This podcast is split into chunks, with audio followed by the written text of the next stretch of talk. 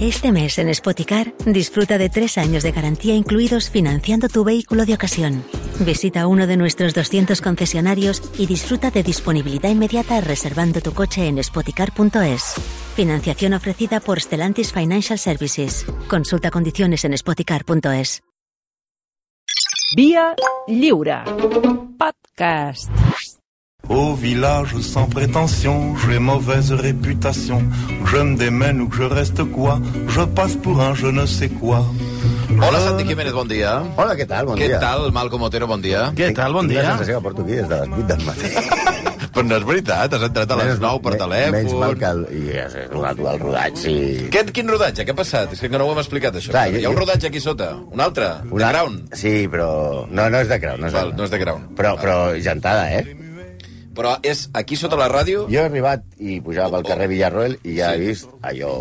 i estava tallat. Catering i he pensat, hòstia, quan passi el Malcom per aquí, Ah. els hi fotrà els croissants i tota la història. Eh, el, les cabres aquestes on tenen penjada tota la roba, tot això, tot cortado, filmació, no sé què, i vist davant de la ràdio. Dic, hòstia, a veure si és el de Crown una altra vegada. I no s'ha donat compte el bundó.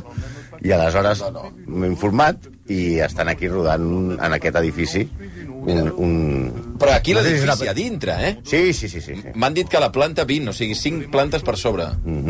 Fort, això, eh? Mira... Eh.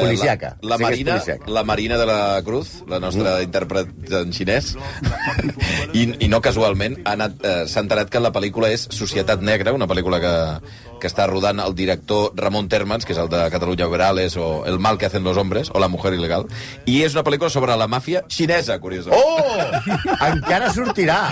Està... Que agafi Marina, Sí, agafa sí. paper. És, és una escena d'una comissaria, diu, diu el, els protagonistes són, és que clar, ja, ja em busca la cara, són Alberto Jolie i Chacha Huang. Avui No, només no ho la- estàs dient. La, no, La- clar que no. l'aspirada. No, ni Chacha Huang. Huanga? Eh, doncs T'he això. de dir que he tingut problemes amb la gent del rodatge ja, eh? No, home, no comencis, ja. Sí, Per, no, perquè aviam. els has agafat Que el càtering. No li ha agafat el càtering. Eh. Tenien, hi ha un pàrquing de motos just davant de la, de la ràdio Sí. I havien posat una furgoneta i quedaven, i havia deixat només un lloc per la, per la moto i he deixat allà la moto com, com toca. I em diu el senyor, aquí no la deje que me molesta. I dic, perdona, això és un pàrquing de motos. Pues no sé si li passarà cosa. I ell ha hagut de fer una foto i tot. Ah, sí? tot, A veure, si cada igual Tots no trobes la xulos, moto sí, baix. potser no hi ha moto baix. Déu-n'hi-do. Bueno, escolta, doncs no et fiquis amb la màfia xinesa, que vés a saber. Bé, avui què? Avui. Avui toca, a- toca qui toca. Avui, després, avui que Hi havia gent demanant-ho des de fa dies, i clar... Bueno, clar, és que va morir el divendres passat i, clar, és... és... No moriu en divendres, home. Bueno, però, però, tenia, però aquest, més o menys, era un d'aquells que ja anàvem dient, ostres, eh, eh, estava preparat. Ostres, Anàveu mirant, eh? Anàveu revisant. Encara està viu, aquest És viu? Sí, sí, Sí, sí. sí, sí, sí, sí. Bueno, eh, està...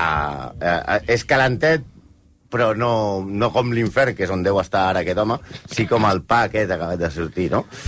A veure, queda clar que parlarem d'un geni de la música Bé, mm, impressionant, la, la, l'energia que tenia... Quina posada en escena. Sí, Sí, noi, un- esplèndid. impres- im- impressionant. Clar, eh, va, va tenir el problema que va coincidir amb Elvis a l'època, Bueno, però- no? I aleshores sempre va quedar que al principi era, era més que Elvis i després va ser un Elvis així de marca blanca. no... Sí, però, eh, vamos, les seves cançons són immortals i ell, afortunadament, no. Ens ha costat, però ell, afortunadament, no és immortal. Està al Hall of Fame del rock and roll, al Hall of Fame del country, i devia estar al Hall of Fame dels idiotes i els tarats, però aquest no existeix encara. Va estar... Eh, eh, va vendre capdamunt de llistes diverses vegades, li van fer una pel·lícula un, que l'interpreta Dennis Quaid, que és un biòpic, però molt adulcorat, perquè si no la pel·lícula seria gore, eh, però avui entra en el club mm, dels execrables, més que el Hall of Fame, perquè era un masclista, pederasta, violent, mentider, envejós, racista, para horrible, egoista, i probablement un assassí. Ah, també, eh? També. O sigui, ho tenia tot, sí, sí. Avui li, traiem, li trenquem el piano a The Killer. Bueno, ja, ja el cremava ell. Sí. Bueno, Ja això... veurem, ja no, veurem. Ja Ah, veuràs, no? no? Ah, Ja veuràs. Anomenat Jerry Lee Lewis. Però també aquí més conegut com Jerry Lee Lewis.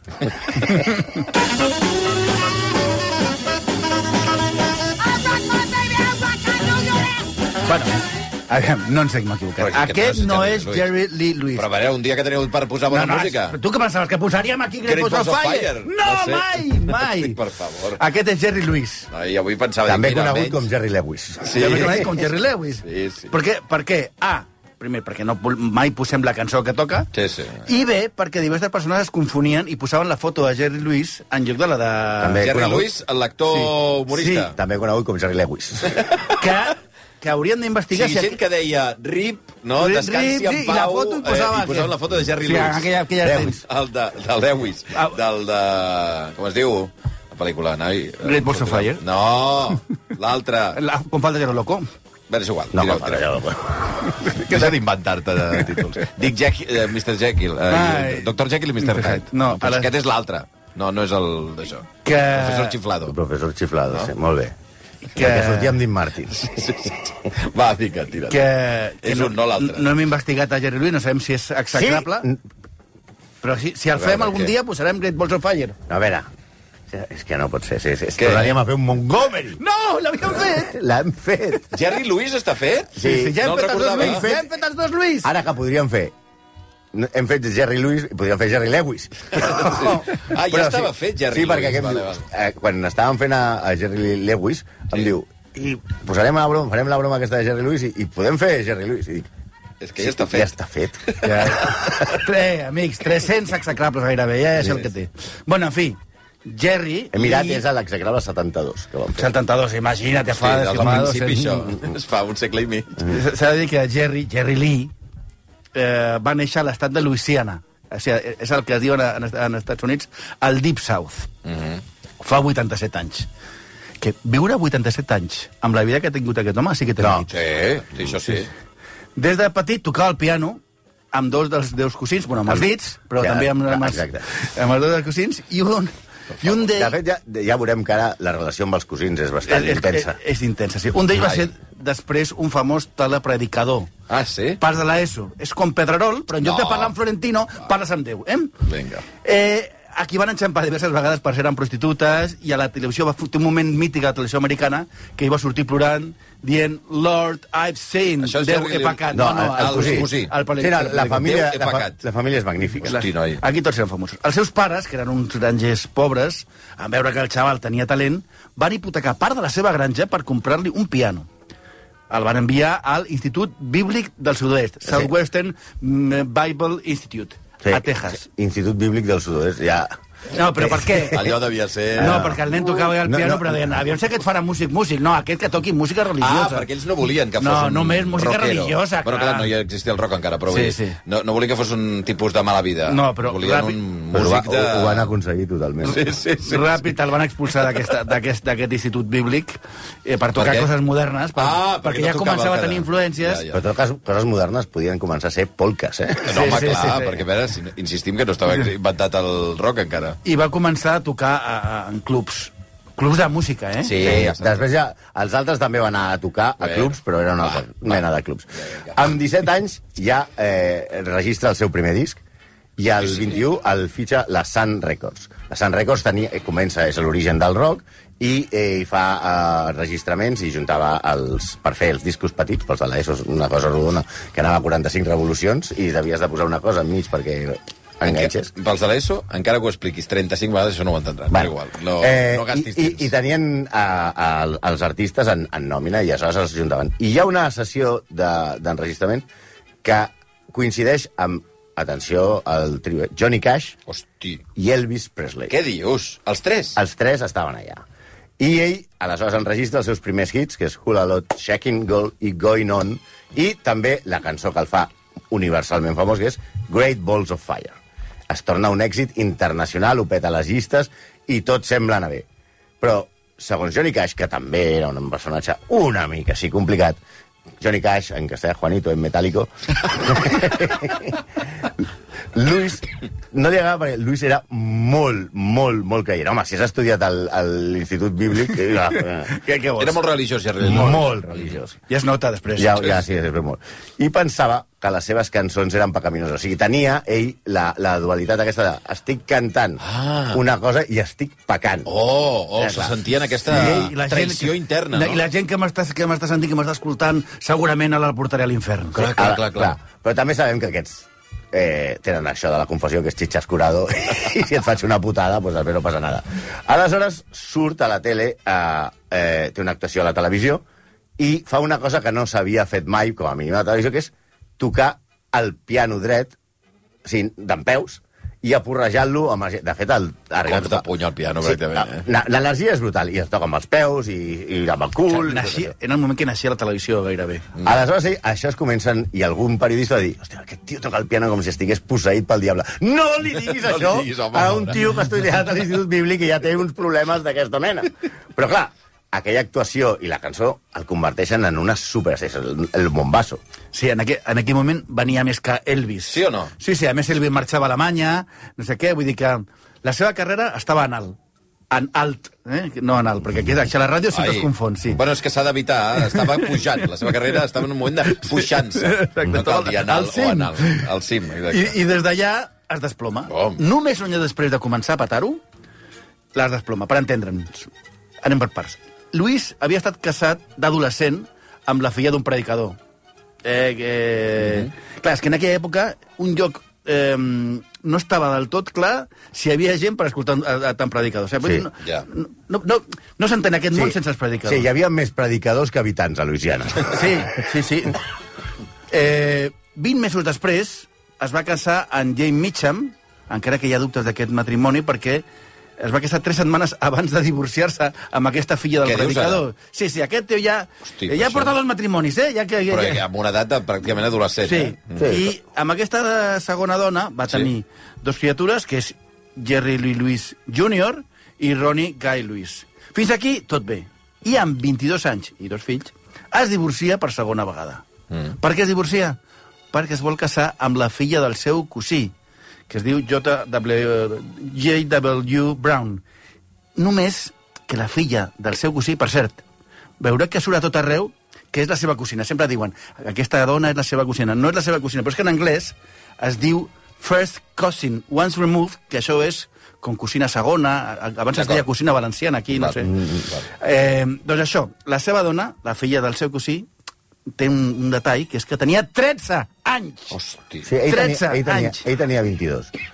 S'ha casat dos vegades, s'ha divorciat dos, dues vegades i es casa Amb una nena amb de la 13. filla del seu cosí, que té 13 anys. De Déu. que a més feia... Un, ella, la, la, la, la, era molt petita ella, era, molt nena, Home, clar, I- que tenia 13 anys. Bueno, i, i, no, però bueno, després també no, no és que... 13 anys de l'època, no com ara. Sí. Va, va. Ella- ella- ella gairebé Ara no som entenia- molt més llestos. No, no, no està dient Sí, res. sí, no, no, no he dit res, jo tampoc. Eh, ella gairebé no, ent no entenia res. Eh, ella havia anat amb una amiga adulta al jutjat, o sigui, una amiga perquè li donessin la llicència. Sí, es va, va, va, va anar amb una altra dona, que Sí. en aquell moment no hi havia tants, pa- tanta paperassa, per fer veure que aquesta dona gran era ella, o sigui, per, perquè li donessin la llicència per Ah, que jo casar-se. pensava dir que amb 13 anys com li deixaven casar-se? Clar, però- perquè va ja, i, i, ella es fer pen- trampa. I es pensa que va a, a, es casarà amb la dona que va, però no agafa la llicència per aquella dona, l'agafa Per, per, clar. I a per la en un- nena de 13 anys. A més, en un país on no, no hi ha carnet d'identitat. Aleshores, eh, ella gairebé no entenia res. Eh, a les, ella, segons ella, eh, aleshores em va pu pujar al cotxe i vam anar directe al pastor que ens va casar. Suposo que ell ho tenia tot emparaulat. Jo era com un cervatell. Mirava i pensava, oh, Déu meu, on estic? Què està passant? Com pot estar passant això? Clar, a tot això, el pare de la nena, Clar, bueno, el aquí... cosí de Jerry Lee Clar. Lewis, es va enfadar, clar, lògicament. Eh, una I què mica. fa? Surt a buscar-lo amb una escopeta. Tatan, tatan, tatan, però ells ja s'havien fugat. Qui diu fugat, segrestat. Sí, una mica. no, Sí. clar. Però torna... I, I ell seguia la seva carrera, era molt famós, perquè estava a, a, en un lloc àlgid de la seva carrera. I en aquell moment, després de casar-se, començava immediatament una gira europea que li havien contratat. I el primer viatge és a Londres. Arriba, i mentre el cosí el va buscant pels boscos de Louisiana amb l'escopeta ¿Dónde estás, maldito? Te voy a pegar un tiro. I ell està volant pup, a Londres amb la, amb, la, amb la nena de 13 anys. Uh -huh. Arriba a l'aeroport de Heathrow sí. i els periodistes van a rebre'l, perquè aquest tio a Anglaterra ho estava patant. Clar, clar, clar. El reporter del Daily Mail, Paul Tanfield, li pregunta a, a la dona que l'acompanyava i li diu, tu qui ets? Diu, soc la dona d'en Jerry. Hosti. I ell li va dir, ¿y cuántos años tienes, bonita? ¿Qué, qué, qué, quants anys tens? I ella diu, 15. Però no tenia 15. Tenia 13. Però a ella li va pensar... Va Va dir, pensar, Ja va mira, pensar, ja, mira... clar, i, va, va, clar, evidentment, aleshores s'ha de dir que a Anglaterra et podies casar amb una dona de 16 anys. Amb 16 ja. Amb 16. Però ella va dir que va fallar per un. Igual ho va entendre malament. I aleshores, clar, Aleshores, La premsa devia anar- Aleshores, aquest periodista comença a investigar i va descobrir que Luis s'havia ca- casat també, que aquesta nena de 15, que en veritat tenia 13, a més era cosina segona seva. I que, a més a més, van trobar la seva història, que és els seus dos divorcis, com havia explicat el Malcolm abans, un es va casar tres setmanes abans de divorciar-se. Clar, clar, clar. Era Havia biga. casat amb dues dones a la Era, vegada. era bígam Sí, sí. i, a més, portava una dona de 13 anys que era Oi, família seva. Oi, sí. oi, oi, oi. Eh, triple combo. Hòstia. És a dir, i a més a més tenia dos fills que havia tingut dos anys abans. Clar, evidentment es va muntar un escàndol, la premsa anglesa el va, el va massacrar, i aleshores la premsa el fulmina. Als concerts no anava la gent, i el, la gent que anava li cridava a saltabressols, Cradle Snatcher. El Ministeri de l'Interior estudia, anglès estudiava denunciar-lo. No sé què collons estudiava, perquè estava... O ho tenia tot clar. I les ràdios angleses van prohibir emetre les seves cançons. I la dona, mentrestant, que estava allà a Anglaterra, què feia mentre el seu marit estava allà cantant? Pues mirava la programa, el Club Super 3 de, de, la, de la BBC. A. No és broma, ella explica que es passava el dia mirant la, els dibuixos, animats, infantil. Clar, ja hi els, dibuixos, els dibuixos animats a la tele. Imagina't. Sí, aleshores, Imagina't. ell, veient que això no anava bé, va cancel·lar la, la gira i va dir Back to the USA. Pensava que jo... Tot... L'esperava el de l'escopeta. sí, però va dir, bueno... l'escopeta estava per Louisiana donant voltes. Sí, no. ¿Dónde estás, Jerry Lee? ¿Dónde està? No, però, no, el- Jerry Lee Lewis! S'ha de dir que el, propietari, el propietari de la, de la discogràfica, que es deia Williams, en aquell, mentre ella estava a Londres, va arreglar amb el, amb el seu cosí i li va dir toma uns dòlars, i tom, tómate unos dòlars i ja està. Aleshores, ell va cancel·lar la gira, torna als Estats Units i pensava que ja tot estaria més tranquil. Però no. La reacció va ser igual de negativa i la controvèrsia havia creuat l'Atlàntic, com és lògic. En defensa seva, ell va dir, però m'he casat amb ella, no? Sí, clar, eh, eh. Com a justificació, no? Clar, eh, sí, eh, és que... Vamos, No és que me l'hagi importat, és que m'hi he casat. Clar, eh? No, no, Potser- eh, que jo la quiero, eh? Sí, sí, sí. Jerry, potser toques molt bé el piano, però potser hauries de deixar d'escoltar tants predicadors. bueno, el que va passar és que va baixar el seu caché, caché de 10.000 a 250 dòlars i va intentar casar-se amb ella per segona vegada. Molt bé. Gran per netejar solució. la imatge. Dic, no, ara que ja tens 16... També et dic que aquest home és una mica... És, és Elizabeth Taylor. Té una, té una addicció... De, de totes les addiccions que veurem després, hi ha una al matrimoni i als predicadors que són les més preocupants, eh? Sí, això, gran solució de totes maneres, eh? aquesta de, de tornar a casar-se amb ella, molt bé, molt bé. Va escriure una carta a, la- a la revista Billboard per justificar-se, però la seva, ja, la seva imatge ja estava malmesa. Tot i així, va tenir encara més èxit, sobretot a Europa, i amb l'auge de les discoteques. Clar, és que en aquell moment comencen les discoteques. Discoteques, que es deien. El 1963... Les boats, sí. El 1963 va canviar de discogràfica per llançar una cançó que tornés a les llistes dels Estats Units. Aquí la clava. I'm on fire. I'm on fire. I'm on fire. Home, cop. Evidentment, que gairebé és autobiogràfic, eh? Sí, sí, sí, sí. però semblava una, pa una paròdia d'ell mateix i els temps canviaven. Potser hem arribat ja a la conclusió de que era gilipolles? No, encara no, no?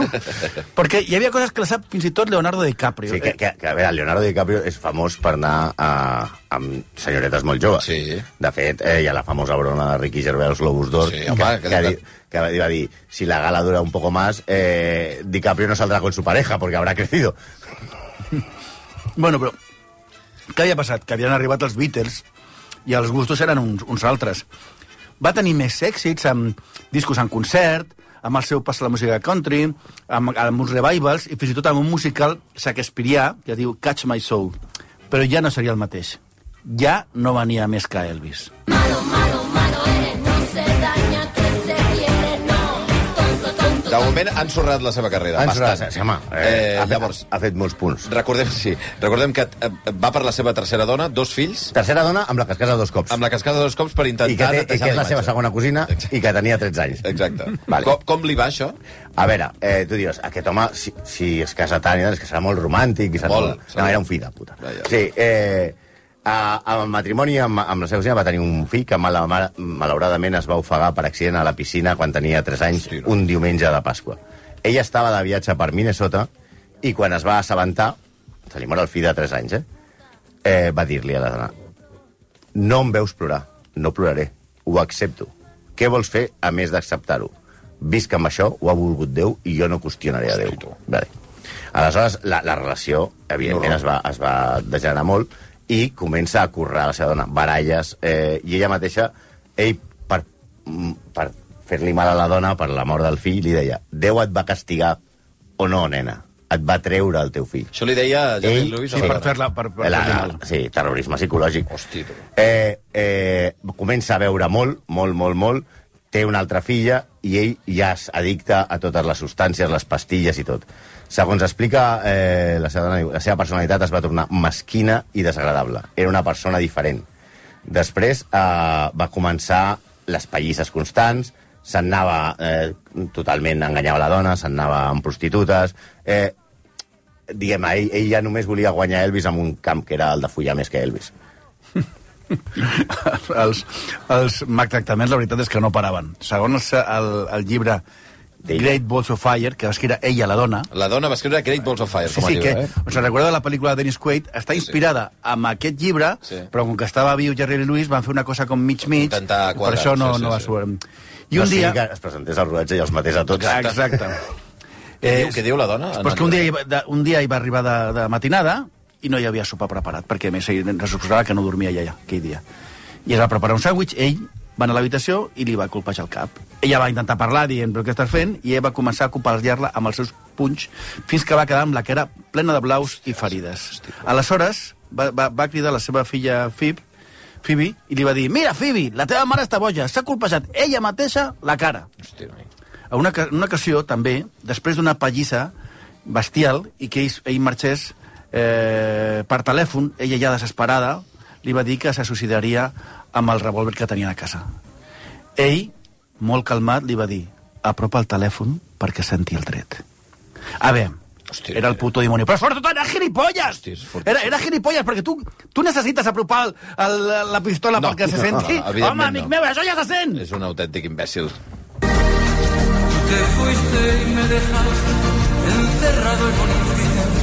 Però és el cas paradigmàtic, com dèiem, d'il·lustre exagrable. Un, No. un tipus que, tu, que hi havia molta gent i continuen eh, corejant la seva música, però un autèntic Ah. fill de la gran... No, no, i a més a més eh, està torturant a, a una dona que la va treure amb 13 anys, se li va morir un fill, i, li, la culpa amb ella, diu que és culpa de Déu, l'enganya amb tothom, la, la pega és bestial, pallisses. Clar, aquesta senyora, amb, amb la situació de la dona, necessitava... s'havia de divorciar, i havia de marxar, perquè s'estava jugant la vida. I però clar, necessitava proves. I contracta un detectiu perquè la, faci fotos de, de Jerry amb les seves amants i de les orgies que feia i, de, i demana el divorci. Demanar el divorci en aquest tio és una jugada arriscada. Quan ella es va voler marxar de casa, després de que un intent de violació d'ell quan va arribar borratxo a casa, eh, ell li va tirar pedres i va entrar en casa de nou i li va dir si mai em deixes, et tiraré àcid a la cara. Si em deixes, et mataré. Hòstia. Bueno, van arribar els papers del divorci i va aconseguir separar-se del monstre que, per una qüestió incomprensible, seguia en llibertat. En la demanda de divorci, ella va duir adulteri i abús. Evidentment, va patir un maltractament físic i psicològic inimaginable. Si un any després es tornaria a casar ell. ell. Ell, sí, perquè ell li Sí, que encara aquest tio tingués marcat Increïble, és increïble, eh? Va I que estar- estigués en llibertat. En aquest nou matrimoni va estar casat gairebé 10 anys i va tenir una filla. Quan ella ja havia demanat els papers de divorci, La, la, la nova, La nova. dona, eh? la Sí, sí, quarta ja. sí. Eh? a casa una amiga eh, va aparèixer morta eh, flotant a la piscina. La, la dona? Sí. Entre Aviam. piscines i predicadors no guanyen per sustos, eh? No, no, Què dius? No. Però el pitjor d'això, bueno, el pitjor d'aquesta senyora s'havia mort, eh, és que ell mai va reconèixer la filla ni se'n va ocupar. La va literalment abandonar. Però el, no, aquesta era la tercera. No, no, era la quarta. Per si n'heu dit dues, més la Dues. de 13 anys, més, És la, aquesta quarta? més aquesta és la quarta. Aquesta és la A quarta. la cinquena, ara. A la cinquena. És que es torna a casar.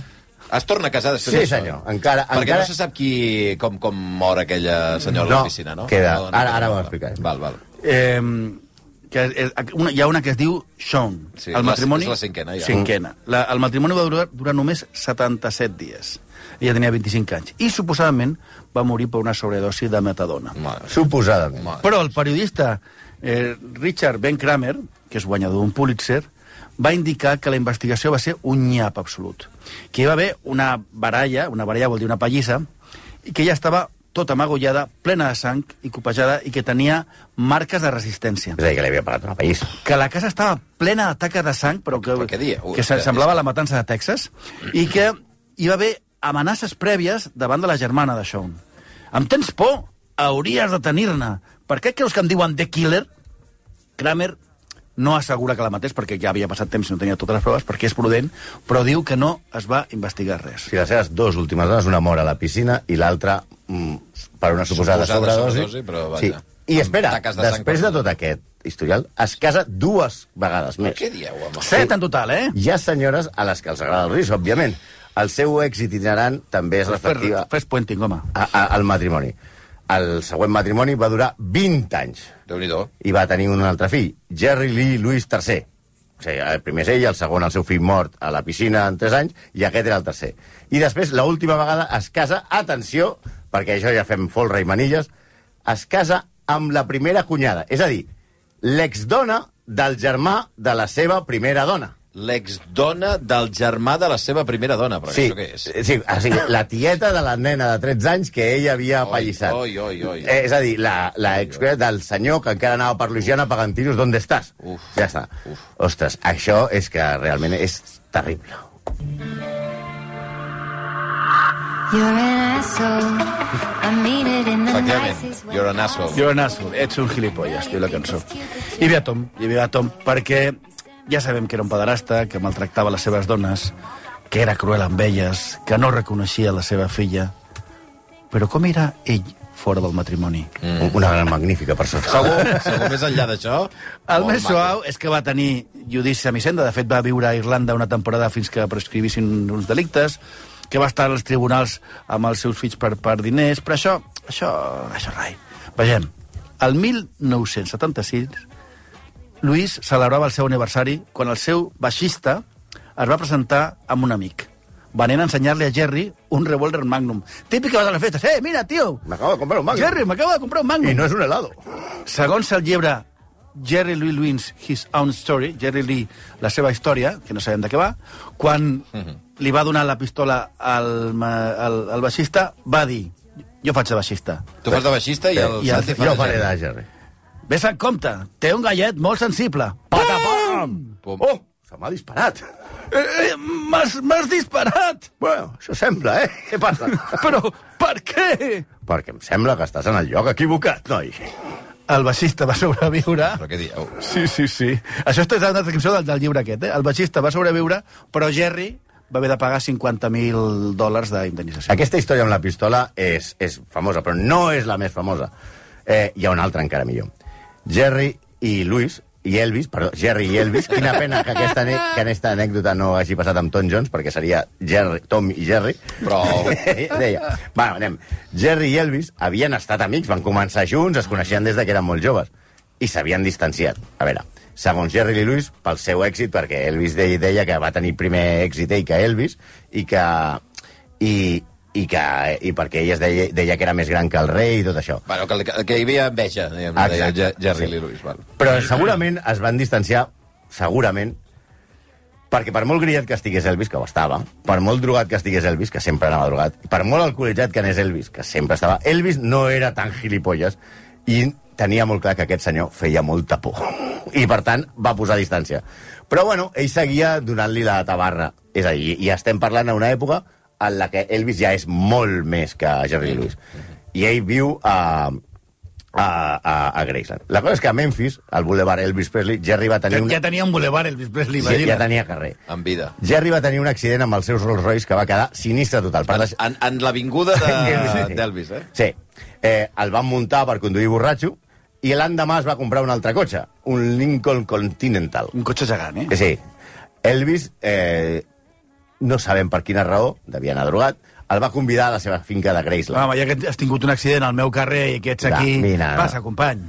Abans d'anar-hi, Jerry va passar pel bar, què podia passar malament, què podia sortir malament, aquest home comença a veure, veu més del compte, del seu compte habitual, i el propietari del bar li va deixar una pistola. Molt fàcil també pel part del propietari del bar Sí, veure eh? que aquell senyor està borratxo i li dones una Ah, pistola. mira, Jerry, la meva pistola. a ir te la deixo, no? No, agafa, ara que vas borratxo No va- i, no, no i vas acaba- a casa d'Elvis, agafa una pistola. No, no acaba bé la Què va història. passar? Pues amb el cotxe, amb aquest Lincoln, eh, va rebentar les portes de, de, de Graceland. Ah, va entrar allà com... Sí, allò, com, com a l'equipo A.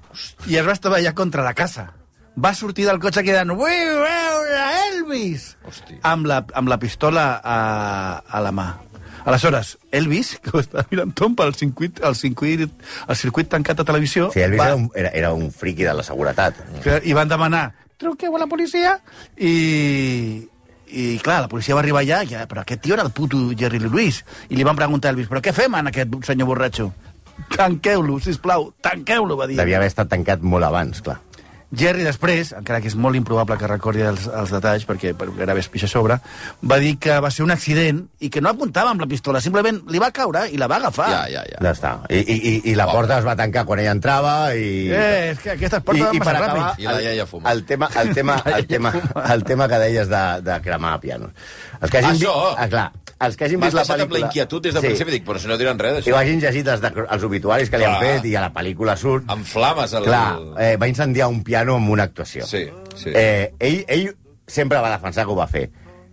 Tothom que hi era a la sala diu que no va passar. Però el que sí que sembla és que el va trencar, no? Bé, perquè la història és, eh, segons explicava ell, que es va fer la llegenda, és que ell tocava i després tocava Chuck Berry.